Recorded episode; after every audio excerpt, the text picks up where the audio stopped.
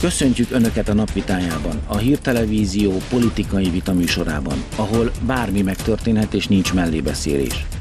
A magyar segélyszervezetek az ukrán-magyar határon segítenek, az NGO-k brossúrákat nyomtatnak a menekülőknek. Kezdjünk!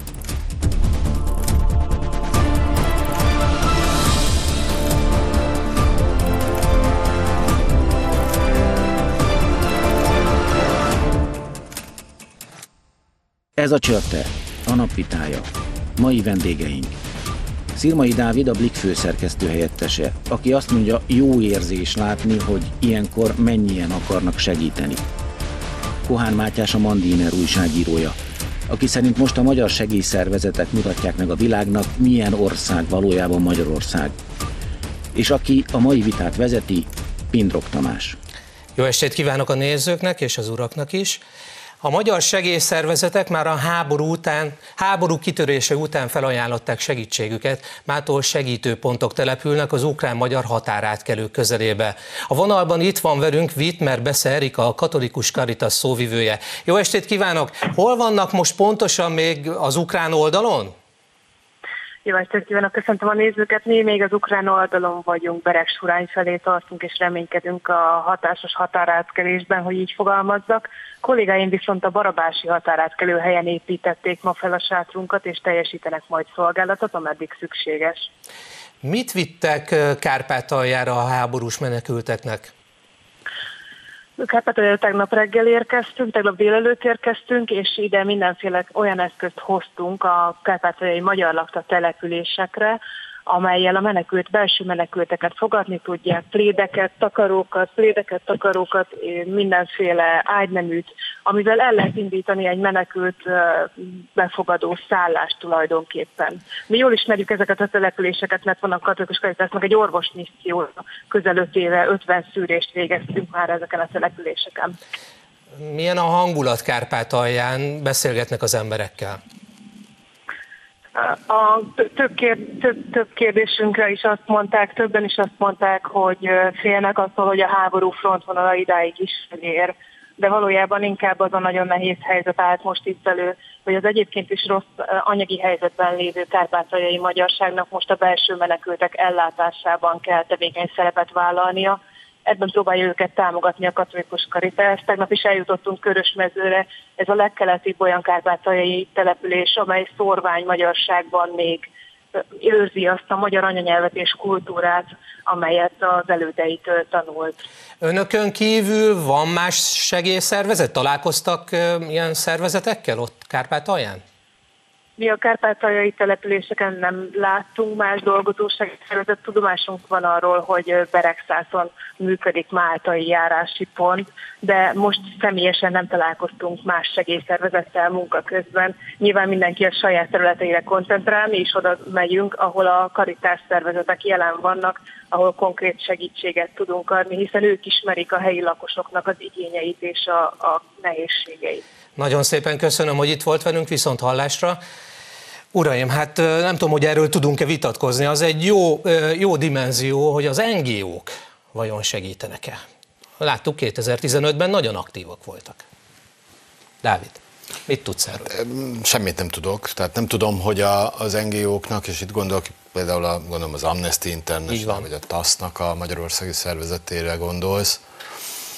Megnéztem a, a, ezeknek a szervezeteknek az oldalait, és Hát túlnyomó többségében inkább politikát láttam rajta, mint hogy mondjuk Hát ez most nem olyan nagy segítség, hogy mondjam, fizikai Igen, nem tudom, hogy, nem tudom, hogy jelen vannak-e, mert, mert igaztalan lennék, hogyha ha közben meg valóban segítenek, de, de majd, hogy nem szerintem mindegy ebben az esetben, aki tud segítsen, és pont, pont ez a, a megindító ebben az egyébként borzasztó nehéz helyzetben, hogy itt segítség van, és nem pedig, nem pedig politika.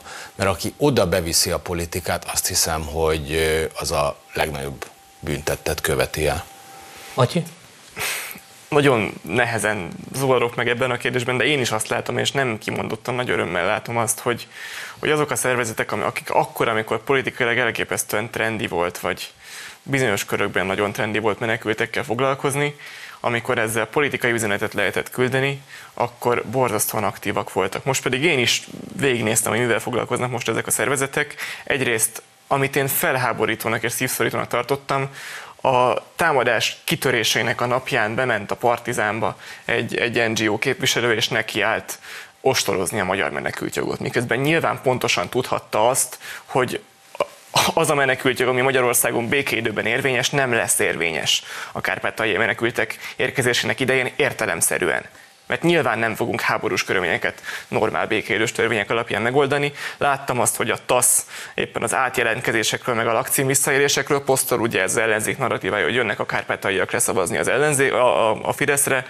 Láttam, hogy a Helsinki lement felmérni a helyzetet, és jogi információs anyagot osztogatott négy nyelven. Köszönjük szépen, csak az a gond, hogy nem fogják ezek az emberek most a jogi információs anyagot elolvasni. Meg azt is láttam, hogy a Pride, és ezen háborodtam fel a leginkább, angolul vagy magyarul e-mailben várja ukrán LMBTQ menekültek jelentkezését. Az egyetlen olyan szervezet, ami egyrészt szűkíti a menekülteket, akikkel foglalkozik, LMBTQ az alapján, meg nemzetiség alapján, másrészt meg angolul vagy magyarul e-mailben. Hol élnek ezek az emberek? Aki most onnan jön, az esetleg tud magyarul, jó esély ukránul vagy oroszul tud, és biztos, hogy éppen le van merülve a telefonja, és senkinek nem fog jogi e-maileket, meg akármiket küldeni Budapestre. Ott helyben akar fuvart, szállást, enni, inni. Kikérem magamnak, hogy ilyen elméleti vonatkozásban gondolkozzunk a menekültekről, most konkrét segítség kell. Aki tud, aki magyar, akinek szíve van, utaljon, menjen oda, segítsen. Erika elmondta, hogy hogy ezek a területek, a kárpátai területek most a belső migrációt próbálják majd kezelni, azok a részek, amik nagyon szegények. Hát tudjuk, hogy Kárpátalja, Kárpátalján milyen életkörülmények vannak. Igen. Tudnak segíteni? Hát, Tudunk mi segíteni nekik, hogy segíthessenek? Vagy hát ők is menekülni fognak? Biztos, lassan. hogy hát Nehéz. Ha, ha az első verzió jön be, és ott megáll a történet, nevezetesen, hogy Kárpátaljára menekülnek azok, akik oda menekülnek belső Ukrajnából, vagy mondjuk, ke, vagy mondjuk kelet-ukrajnából, akkor azt gondolom, hogy tudnak segíteni. És egy dolog miatt, mert lehet, hogy ezek az emberek ott szegények, de ők az életükért futnak. Tehát itt nem az lesz, hogyha ha megérkezik oda egy Donbassból egy ember, akinek szétlőtték a házát, adott esetben valamelyik rokonát is lelőtték, és nem fog megsértődni, hogyha idézőjelben csak jó szót kap, és egy tányér levest, és nem fog panaszkodni, hogy miért nincs háromfogásos vacsora. Szóval ebből a szempontból azt hiszem, hogy tudnak segíteni. Nekünk, magyaroknak nyilván az, az, az és ez tetszik, nem tetszik, de ez egy érzelmi kérdés, tehát sokkal a megindítóbb, nekem magyar hangon, magyar nyelven elmesélt menekülő történetet hallani, mint mondjuk távolabbról. Nyilván ez egy érzelmi azonosítás, ami talán megbocsátható. Reméljük, hogy, hogy ilyenre nem kerül majd sor, amikor magyar nyelven fogjuk azokat hallani, hogy szétlőtték a házunkat, és, és egyéb szörnyűségek. Az érzelmi viszonyulásunk más, de azért ez a felelősségünk meg egyetemes, tehát mindenkivel, aki most azonok, azokon a határátkelőkön átjön, de ezt, ebben nem is, nem is hinném, hogy te ezt máshogy gondolnád, mint én. Amit látni kell világosan az, hogy Kárpátalját nem csak az fenyegeti, és most három idézőjelben mondtam azt, hogy csak, hogyha elér oda a frontvonal ezt. A katonai szakértők most nem valószínűsítik a Kárpátok jelentette akadály miatt, de nem ez a lényeg, hanem az is életveszélyes fenyegetés Kárpátaljára, hogyha Nyugat-Ukrajna belevonódik a háborúba, és elvágódnak az, a szállítási, utánpótlási útvonalak Kárpátalja számára. A pillanatokon belül, tehát nagyjából két-három napra készíthetnek ott előre az élelmiszerboltok, hogyha megszakad az utánpótlás, teljesen mindegy, hogy Kárpátalján nem dörögnek a fegyverek, nem lesz mit enni. Tehát én, én borzasztóan kritikusnak látom, és én ebben, inkább azt valószínűsíteném most, hogy, hogy, hogy, a, hogy, hogy a Kárpátalján Ebben lesz segítség. Hogy több menekült. Kérdezted, hogy tudunk-e vitatkozni tudunk, mert, mert azt mondod, hogy, hogy kicsi esélyét látják szakértők. Hát két héttel ezelőtt szerintem mindenki hülyének gondol, hogy én azt mondom, hogy egyébként a Putyin élesítette az atomarzenát. Szóval, szóval olyan a helyzet, amikor olyan dolgok történnek meg, vagy történhetnek, vagy követ, amire álmomban nem gondoltunk. Ezen nem fogunk vitatkozni, mert egyébként én is bocsánatot kérek, én sem gondoltam, hogy itt háború lesz. Most az ukrá, kárpátaljai helyzetről. Itt van velünk Dunda György, hungvári tudósítónk a kárpátaljai helyzetről. Mit tudsz mondani, Gyuri? Jó estét!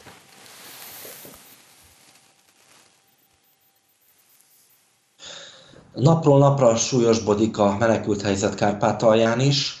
Folyamatosan érkeznek az ország belső régióiból a menekültek. Egy részük itt marad Kárpátalján, a hatóságok próbálják őket elszállásolni, napról napra nehezebb. Előzetesen 50 ezer belső ukrajnai menekültre számítottak itt a kárpátaljai szervek, de már a háború első napjaiban vasárnap esti információk szerint legalább 40 ezeren vannak, és az utánpótlás folyamatos, és több ezeren pedig a kárpátai határátkelőket célozzák meg. A helyi önkormányzati szervek a válságstábok koordinálásával a helyi civil lakosság valamilyen elképesztő formában a legkülönfélébb módon igyekszik segíteni nekik, a határállomások mellett melegedőket hoztak létre, meleg ételt kapnak, plédeket osztogatnak, folyamatosan érkeznek az újabb és újabb felajánlások, de fontos kihangsúlyozni, hogy az egyszerű emberek kinek amilyen van, azt hozza el otthonról, azzal próbál segíteni, illetve a helyi válságstábok koordinálásával különböző civil képződmények szervezésével, de nemzetközi szervezeteket, a Soros György alapítványaihoz köthető szervezeteket, akik egyébként folyamatosan az emberi jogok mentén nyilatkoznak meg. Most ezekben a nagyon válságos pillanatokban gyakorlatilag semmit nem lehet belőle érezni. Ahogy hangsúlyozom, az egyszerű emberek jönnek és segítenek. Nagyon sokan a saját otthonukat ajánlják fel a menekülteknek, hiszen a szállodákban, a szálláshelyeken, szanatóriumokban már megteltek a helyek. Iskolákat alakítanak ki, az iskolákban, a tornatermekben alakítanak ki szálláshelyeket, illetve minden létező helyen a, a lakossági, a társadalmi összefogás az elképesztő módon nyilvánul most meg Ukrajnában, illetve a magyarországi segélyszervezetek tevékenységéről is tudnak. Ők is hatalmas segítséget nyújtanak azzal a gyors humanitárius segítséggel, ami a hétvége folyamán is megérkezett Kárpátaljára, és ugye Magyarország bejelentése alapján tovább fog folytatódni. Viktor Mikita, kárpátai kormányzó, a megyei tanács hétfői rendkívül időszakán megköszönte a nemzetközi partnereiknek a gyors és azonnali segítségnyújtást, kiemelve a felsoroltak közül a, a magyar segítséget is. Gyuri, köszönöm szépen.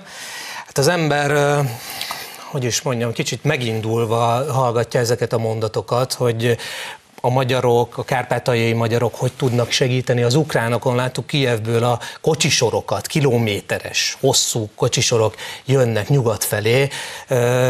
Ez a, ez a kiállás, ez meg fog maradni? Eszkaláció lehet, több hónapos háború is ki lehet Ukrajnában. Hát sőt, ugye minden egyes menekült kezelési stratégiánál megvan egy ív, amikor kirobban valahol egy baj, és ott írtózatosan nagy számban megjelennek a segítő szervezetek és jó szándékú emberek. És teljesen természetes az, hogy ez egy idő után csökken, hiszen például a magánembereknél nem várható el az, hogy egy hónapokra is elhúzódható, jó esetben hónapokra elhúzódható hát reméljük, hogy lezárul nagyon gyorsan. Ja, adja az ég, de, de Szóval nem várható el, hogy ugyanolyan intenzitással segítsenek, segítsék azt, aki egyébként tényleg nincs telen már abban a pillanatban. Nagy kérdés, hogy ez folyamatában fenntartható, és ez azt, azt hiszem, hogy ez kell logisztikai szervezettség, hogy ez adott esetben egy fél éves, egy éves időtartamra is biztosítva legyen. Én úgy látom, hogy pont a, a különféle karitas szervezetek, ökumenikusok, stb. olyan erővel indultak el a határhoz, és tevékenyen dolgoznak már ott, hogy ha, ha másban nem is, de ebben egészen biztos lehetek, hogy, hogy minden szeretetet és segítséget meg fognak kapni azok, akik ott rászorulnak. Tegnap azt mondta a miniszterelnök úr a köztévében, hogy ez egy jó ország és jó nép lakja. Én a magam részéről biztos vagyok abban, hogy a magyarok szíve az nem fog megkeményedni akkor sem, hogyha heteken, hónapokon keresztül ahogy mondod, az Isten ne adja, elhúzódna ez a konfliktus. Én a magam részéről, és erre buzdítok minden a tévénézőt és a saját fizetésen 10%-át addig fogom erre a válságra, menekültek megsegítésére fordítani, ameddig ez véget nem ér. A magam részéről megígérem, és szerintem mindenki, aki, akiben szívlakik, az pontosan tudja azt, hogy ennek akkor van vége, amikor vége van. Amíg látjuk minden nap Tiszabecsnél, Berek Suránynál, Barabásnál, Lónyán, Záhonynál a beözönlő tömegeket, én biztos vagyok abban, hogy lesz elég segítő. Gyorsan csatlakozom, Magyarország 600 milliós gyorssegét ajánlott fel Szijjártó Péter pont a adás felvételének időpontjában, és gondolom sok magyar gondolkodik, ahogy, ugyanúgy, ahogy te. Ugye, Dávid? Abszolút.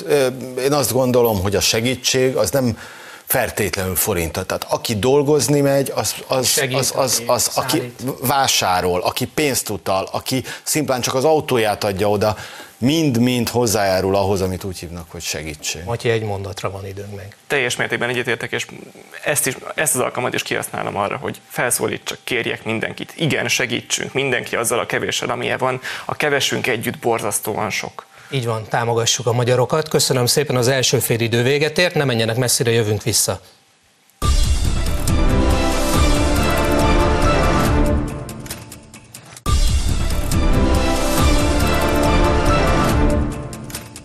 Jó estét kívánok, folytatjuk a csörtét. Az dezinformációra is fel kell készülni, mondta tegnap az m a miniszterelnök.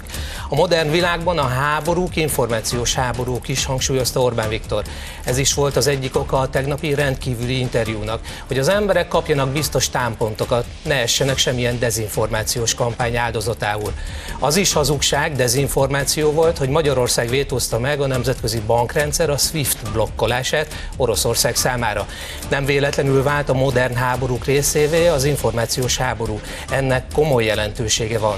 Orbán Viktor a baloldalnak és a nemzetközi kollégáinak is azt üzente, ilyenkor a szavaknak súlya van, a szó már majdnem tett. Tehát jól meg kell gondolni, gondolni, hogy ki mit beszél, milyen javaslatokat tesz. Itt van velünk Skype kapcsolaton Krasznai Csaba, a Nemzeti Közszolgálati Egyetem docense. Mit jelent az, jó estét kívánok, mit jelent az, hogy dezinformációs művelet? Jó estét kívánok!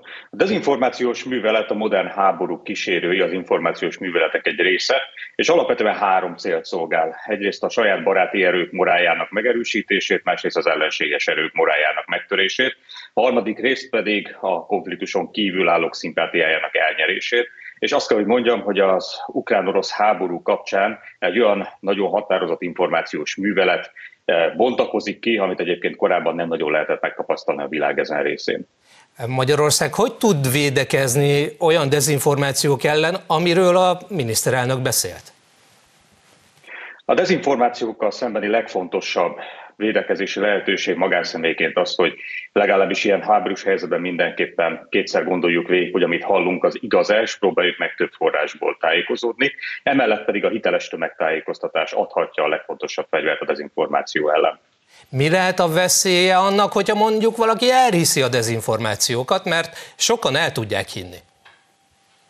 A dezinformáció alapvetően arról szól, hogy vagy az egyik, vagy a másik oldal rájök, hogy elhiggyem azt, hogy az élet az fekete vagy fehér, holott alapvetően nem erről van szó, itt nagyon sok olyan árnyalat van, amivel egyrészt nyilván egy háborús helyzetben nem is lehetünk tisztában, másrészt pedig eh, abról is szól, hogy hogyan vagyunk képesek megérteni a körülöttünk levő helyzetet. Úgyhogy a legfontosabb az, hogy az élet az nem fekete és fehér, ebben a helyzetben pedig aztán különösen nem az. Köszönöm szépen, viszont hallásra. Én lefordítanám azért ezt a dezinformációt magyarra, hazugság. Tehát hazugságot terjesztettek például a magyar kormányról, hogy blokkolta a SWIFT rendszer ez az egyik része, ugye az, hogy a, a, a dezinformáció igen hazugság, de ez ugyanúgy Fake a manipuláció, news. így van, a manipulációs eszközök és tárházak minden eleme itt van. A docens úr mindent elmondott szerintem, ami, ami ebbe a témában abszolút aktuális. Egy dolog talán azért érdekes, hogy most egy háború miatt nagyon-nagyon komoly témákban szembesülünk azzal, hogy igen, a dezinformációs technikák itt vannak akkor is, amikor háború van, amikor például olyan később érthetetlenné váló történeteket hallunk, hogy Na, meghalt 12 ukrán katona egy szigeten, majd kiderült, hogy nem halt meg, miközben már a 12 ukrán katonáról pólók születtek, és mellindult a történetük, hogy micsoda hősök, majd kiderült, hogy nem, és itt van a SWIFT rendszer, és millió egy ilyen dolog, egyet ne felejtsünk el, mi ebben a dezinformációs buborékban már több, nagyon hosszú ideje, majd hogy nem egy évtizede benne élünk, például a Facebookon a valótlan tartalmak háromszor olyan gyorsan terjednek, mint a valós tartalmak. Van, aki igényli is a dezinformációt, mert ebből például egy politikai helyzetben önigazolást nyer, vagy pedig egy, egy ö, ö, fröcsögő vitához muníciót. Egy dolog a különbség, hogy itt most emberéletekről van szó, ami kicsit aggasztóbbá teszi, mint a hétköznapi megszokásban, amiben én naponta belekerülök. Hát rendhagyó módon erről sem fogunk vitatkozni, kiegészíteni inkább. Ami tragikus az az, hogy minden oldalról a saját érdekei mentén kapjuk a dezinformációt. Néhány példát hozok, ugye mesélt, mondtad a Swiftet, de, de van lengyel dezinformáció sajnos ebben a helyzetben, amikor Donald Tusk egy nagyon hasonló váddal illette a magyar, német és az osztrák meg az olasz kormányt. Van ukrán dezinformáció, Kigyó-szigetről beszéltél, beszélek akkor arról is, hogy az Ukrajna rendszeresen közzétesz teljes mértékben a légből kapott számokat arról, hogy hány orosz katonát ejtett el szintén ukrán dezinformáció, hogy majdnem a harmadik világháború vezetett kevesen tudják, hogy az Elenszki elnök bejelentette, hogy Erdogánnal megbeszélte, hogy lezárja a Dardanellák szorost, meg a Boszporusz szorost az orosz hadihajók elől. Ez ugye a Montreux egyezmény meg, meg, megsértése lenne, ami automatikusan azonnal világháborús cselekmény. Kiderült, hogy nem igaz, de egy, egy jó ideig működött ez az ukrán dezinfo a leg, leg, leg, leg, legmagasabb helyekről, és ott van az orosz dezinformáció, ami a hónapokon keresztül folyt és építette bennünk azt a hitet, hogy itt nem lesz háború, miközben folyt egy háborús felkészülés. Van egy amerikai dezinformáció, az oroszoknál van dezinformáció arról, hogy ürügyek kreálása történik, tehát egy, egy soha meg nem történt ukrán átkerésről volt szó, tehát borzasztó mennyiségű dezinformáció van. Én amit, amit újságíróként javasolni tudok, az az, hogy semmiképpen nem most olvassunk olyan felektől információkat, akik a háborúban benne vannak. Tehát ukrán és orosz médiumokat nem most érdemes olvasni, amik, akiket érdemes olvasni vannak, Lengyelországban kitűnő elemző intézetek, akik, akik rendszeres összefoglalókat csinálnak arról, hogy most pontosan hogy áll a háború katonai szempontból. Magyarországon mi, ha, le, ha egy kicsit önreklámozhatok, a Mandilánél egy élő közvetítésben igyekszünk a lehető legtöbb forrás alapján összefoglalni, hogy mi a, mi a helyzet. A Hitrádió kiváló szakértő interjúkat csinál, a Hír TV egészen biztos, hogy szintén uh, csinál ilyeneket, meg vannak Magyarországon is kiváló szakértők, a saját oldalaikon, és itt most kettőt említenék meg Rácz Andrást és Remco Attillát, akik a saját Facebook oldalaikon rendszeresen frissítenek. Ne apró, pici és bizonyítatlan hírekre váljunk, ez a nagyon fontos. Ez, ezt, ezt a magatartást nem javaslom most újságíróként senkinek. Összefoglalókra váljunk olyan emberektől, akik egyszerre értenek a térséghez, beszélnek oroszul, beszélnek ukránul, ismerik a térség történelmét, és ismerik, értenek a katonasághoz, amihez mi újságírók zömmel nem értünk. Tehát ha, ha valakiben ez a három komponens egyszerre megvan, és tőle naponta egyszer-kétszer megnézünk egy híradást, akkor vagyunk jól informálva, ami most pörög hír, az 60-70 százalékban hazugság. Csak ugye az a veszély, hogy a hétköznapi ember különbséget tud-e tenni a dezinformáció és az mondani, információ Pont között. ezt akartam mondani, hogy a, a rideg valóság az azt hiszem az, hogy a tömegmédiának a fogyasztása az azokat az egyébként teljesen jogos és célra vezető tanácsokat miszerint megalapozott forrásból tájékozódjunk, az semmibe veszi. És most itt nem arról beszélek, hogy itt milyen vita alakulhatna ki bizonyos emberek között, hogy mi a megalapozott forrás. Nyilván van, aki azt mondja, hogy ez van, aki az, de itt te nem erről beszéltél, te direkt nem a politikai so, fősodrot, sodort említetted, de, de én azt látom, hogy itt, ö, itt most mindenki sajnos katonai szakértő lesz, az utcákon már, már, már olyan jó értesült információkat lehet hallani. Ma pont a Bazilika környékén hallottam valami reggel, valami egészen egetverő értelmetlenséget magabiztosan mesélte az egyik ember a másiknak, ennek mind-mind az az oka, hogy ma megnőtt a hírfogyasztás, a médiafogyasztás, és ebbe a tartalomfogyasztásba beletartozik olyan is, ami de még finoman szólva is enyhe jelző az, hogy dezinformál. Hát ez a tömegmanipuláció, fel lehet hergelni embereket. Sőt, ezt tudjuk, nagyon sokan élnek ezzel egyébként, és ez, ez önmagában nem egy ördögtől való dolog, már úgy értem, hogy nem újdonság, még egyszer mondom, itt egy háborús helyzetben tapasztaljuk meg ezt, nem pedig egy választási kampányban, vagy most nem Most, az... most ez össze is kapcsolódik. Igen, de, de, de mondjuk azért észrevetted, hogy a választási kampányok, kampány hírei mennyire nem ütik át azt az inger küszöböt, amit bármennyire is tolna az adott politikai erő, akkor sem jut el célhoz, mert mindenkit az érdekel, hogy lesz-e háború, vagy nem. Sőt, és ami látszik, hogy történelmi skálán dezinformálódtunk. Tehát oroszok, ukránok és amerikaiak hazugságait nyelte be mindenki a saját szájíze szerint az elmúlt hónapokban arról, hogy mi van valós, valóságban Ukrajnában,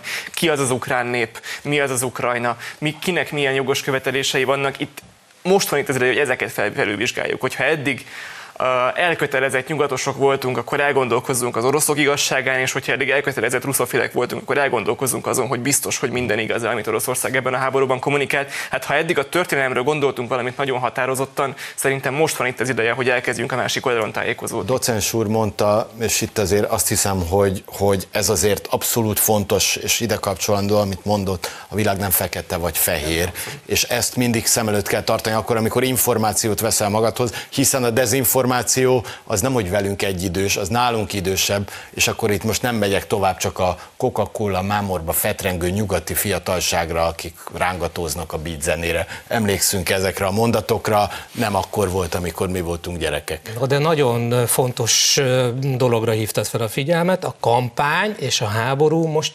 összekapcsolódott, egybeesik, és úgy látszik, hogy az ellenzék a dezinformációknak felülve, például ez a SWIFT rendszer, hogy Magyarország blokkolta ezt, ez egyik témájuk volt, de hát erős kijelentéseket tett Márkizai Péter is. Gyomorforgató. Gyomorforgató. Tehát elnézést kérek, amit Márkizaj Péter mond arról, hogy a kárpátai magyarok most orosz perciek vagy ukrán pártiak. Ami, amit arról mond, hogy Orbán egy személyben felelős a háborúért.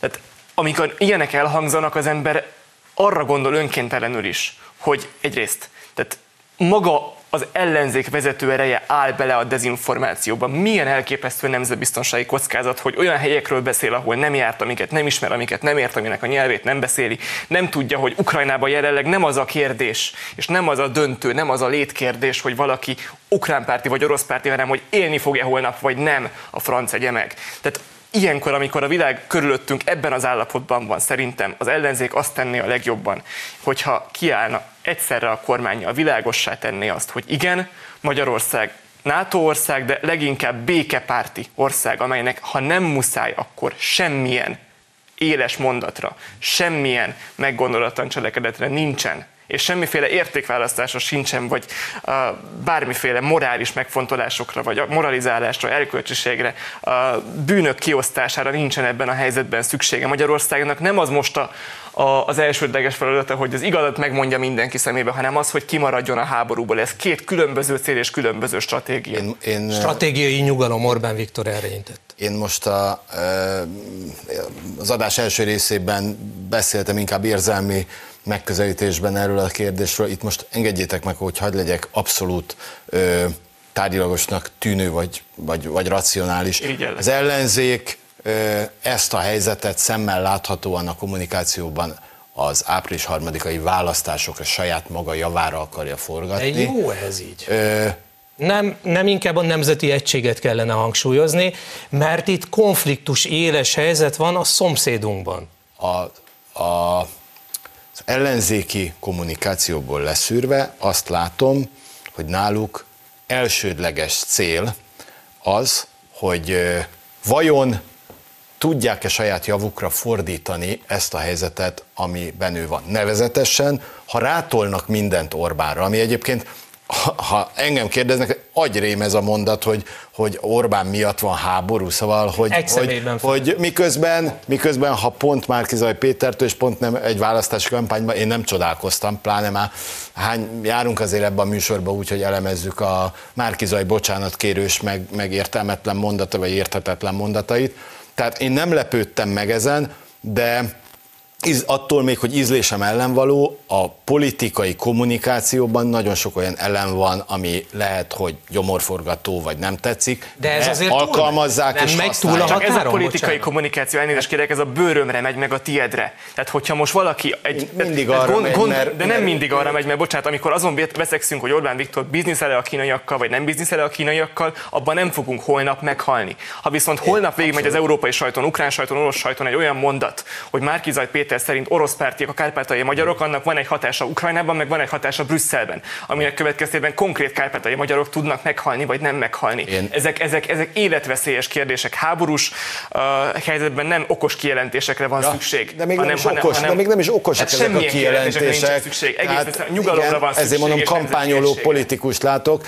Abban nem értek egyet veled, hogy Márkizajnak a szavai ilyen hatást gyakorolnának, de mondom, itt kampányüzem módban van az egész ellenzék, mert én azt látom rajtuk, hogy ez a, a, aki még hisz abban, hogy itt bármifajta sikert elérhetnek, az egy, az egy maroknyi csapat, aki már nem hisz abban, abban meg tudják, hogy akkor meg itt van a végük, már a politikai végük, és, és most ezért ők mindent bevetnek, Bocsánat, ilyen mondatokat még, is. Még nem tört ki a konfliktus, amikor már arról beszélt Fekete Győr András, hogy fegyvereket kell szállítani Ukrajnába, Márki Zaj Péter pedig katonákról beszélt, hogy magyar katonákat kell, hogyha a NATO úgy dönt, akkor oda kell vezényelni magyar katonákat. Miért? Senki nem akarta ebbe belekényszeríteni Magyarországot. NATO-tól nem jött ilyen kérés. Miért beszélnek ilyeneket?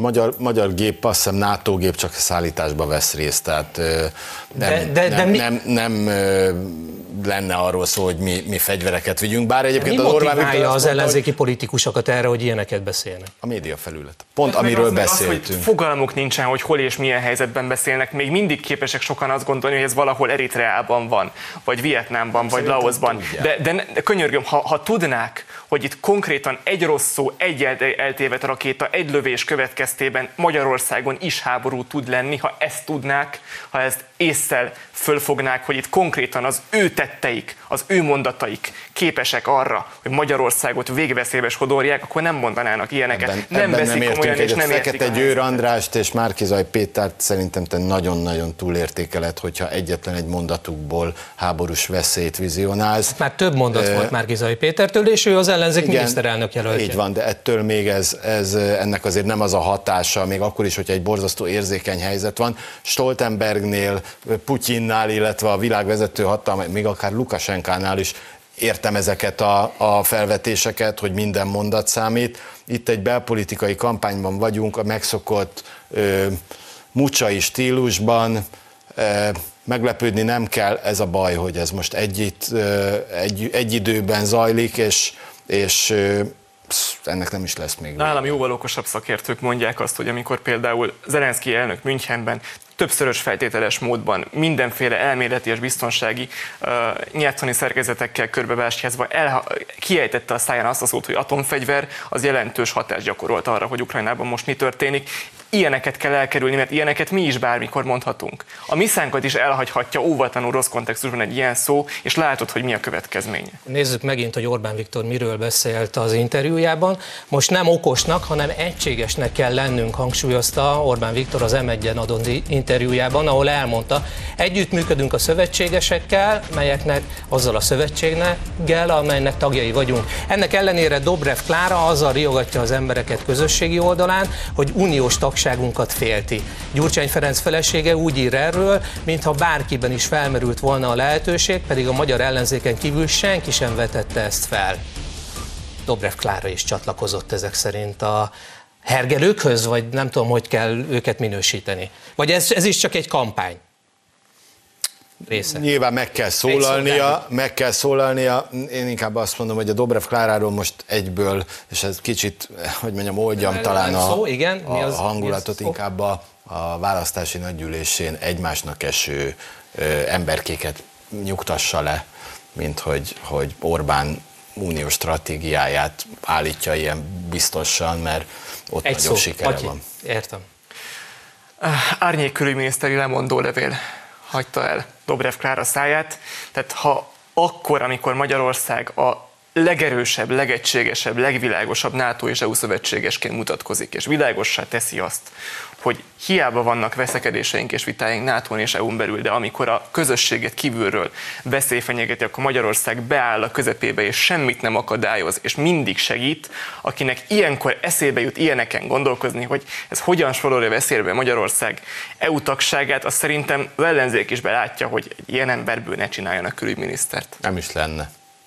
Hogy érted? Hát, hogy nem lenne külügyminiszter, hiszen... Ki lenne a külügyminiszter? Én nem tudom, de hát ő maradna Brüsszelbe. Ugye a koncepció az volt, tehát a Márkizaj Péter maga vetette fel, hogy lehetne külügyminiszter Dobrev Kárából. Márkizaj már fölvetett itt köztársasági elnököt. Hát, ha megnézed, ha megnézed, na jó, csak ott a, ha csak ott a, nem a DK elnökéről, vagy alelnökéről, vagy parlamenti képviselőjéről, miniszterelnökjelöltjéről volt szó. Hát azért azt hiszem, hogy Dobrev Kára, ha és nem ennyiben ellenzéki győzelem lenne, jelentős szerepet kapna, vagy kapott volna a kormányban, ezt ezzel szinte mindenki készpénzként számolt.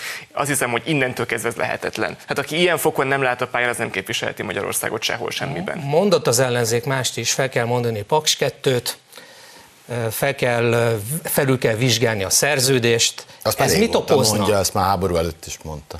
De most, Ezek... most ugye az unió miatt, az uniós szankciók az oro- Nem, az oroszok miatt. Tehát, hogy az oroszok miatt, mert az oroszok vannak olyan helyzetben, de de mondom, tehát ez a, a aki Paks 2-ről beszél, az nem egy technikai és egy, egy hogy mondjam, szakmai kérdést próbál szakmai vitára bocsájtani, hanem egy kőkemény politikai szimpátia alapon zajló valami. De bocsánat, a kezdve... egyhez is a fűtőelemet az oroszok szállítják. Meg... Hát ez, egy, ez nem felelőtlen kijelentés? Ha nem szállítják, akkor mi lesz? Hát ha, én, ha én valamit túlbecsülök, Dávid, akkor szerintem te alulbecsüled azt, hogy Oroszország és Ukrajna milyen mértékben figyeli a nemzetközi sajtót. Én emlékszem, ez a saját praxisomból írtam egyszer még, amikor nem volt háború, csak az előszobájában voltunk pár hónappal, írtam egy véleménycikket arról, hogy Oroszországgal kiegyezésre volna szükség, és, és hogy mindenkinek az lenne az érdeke, hogy Ukrajnában egy háború helyett egy orosz-amerikai tárgyalás jöjjön létre.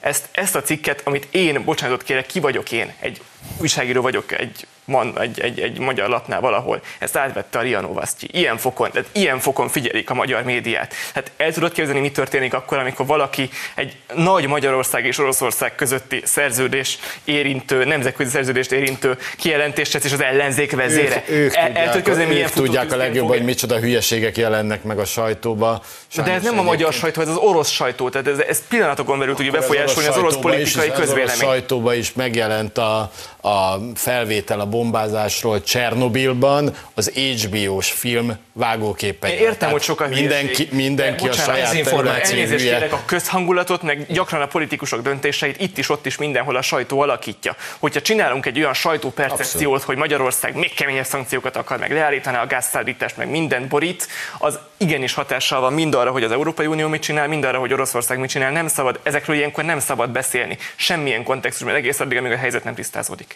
Na ebben legalább vitatkoztunk. De el tudjátok képzelni, hogy az ellenzék azt mondja, hogy de, felszólítok mindenkit, álljon be a kormány mögé. Nem. És egységesek legyünk. Soha nem. nem volt ennyi eszük, pedig az a durva, hogy legutóbb, mikor erről vitatkoztunk a gyermekvédelmi törvény kapcsán is mondtam valami hasonlót, hogy az lenne a politikai haszon, hogyha most beállnának a kormány mögé. Azt mondtad akkor, vagy hogy emlékszem, hogy ezt kívülről nem biztos, hogy engedik nekik. Hát most a nyugati kórus, amiben ők énekeltek egész eddig éveken keresztül, most biztos, hogy nem tiltakozna. Hogyha a világos NATO és EU szövetséges kormány mögé kommunikációsan beállnának, az, hogy most nem képesek nemzeti egységre, az a látszik, hogy nem kívülről irányítják őket, mert most a saját politikai túlélésük eszközét látják szerintem abban, aztán én ezzel bármikor nem. vitatkozom. Inkább éljünk túl fizikailag, mint ők politikailag, bocsánat, nekem ez egy kicsit fontos. Én most egy olyan, nem, most nem, nem megint érzelmileg közelíted meg, én nem, én csak azt mondom, hogy ők az én meg meglátásom szerint miért teszik ezt. Nem azt mondtam, hogy helyesen teszik, azt mondtam, hogy ők dupla vagy semmit játszanak, ott van a médiatér, most 28-on megkérdezik Dobrevtől, Fekete Győrön keresztül az összes önjelölt katonai szakértő politikust, és el fogja mondani, mert felületet kap, és ebben bízik, hogy így marad alamizsma április. Amikor a dupla után. a választási győzelem a semmi meg az atombomba, akkor nem játszunk dupla vagy semmit. Mm, az atombomba, az, az, én most mondom hogy azt, hogy inkább, inkább ne, ne, ne legyen atombomba, vagy ne legyen reális verzió ez a, az atombombaság, de még egyszer mondom, én nem érzelmileg akarom ezt megítélni, és én nem értek abszolút egyet ezekkel a mondatokkal, de érteni vélem, hogy miért van az, hogy Fekete Győr András, aki egyébként zuhany alatt mossa elektromos rollerét, az miért kezd el rövid és közép hatótávolságú rakétákról mesélni? Azért, mert műsor van, mert neki ez a politikai túlélés záloga Én és úgy emlékszem, hogy tavaly az oltási kampány idején ez kicsiben már hogyha ezt lehet kicsinek nevezni, kipróbálták, igen, amikor akkor a kínai, igen, meg az orosz... Akkor a katonai szakértők még virológus szakértők voltak, és akkor mondták ezeket a rendkívül... Ugye, mintha ugyanez lenne a hangulata a dolognak. Ez Persze. Teljesen kizártnak tartják, hogy nekik bármi hatásuk van az ország kormányzására. Én nem tudok más kívánni, mint hogy akkor ez maradjon így. hogyha már említetted Dobrev Klára fórumát, Mentőt kellett hívni Dobrev Klára fórumára, az,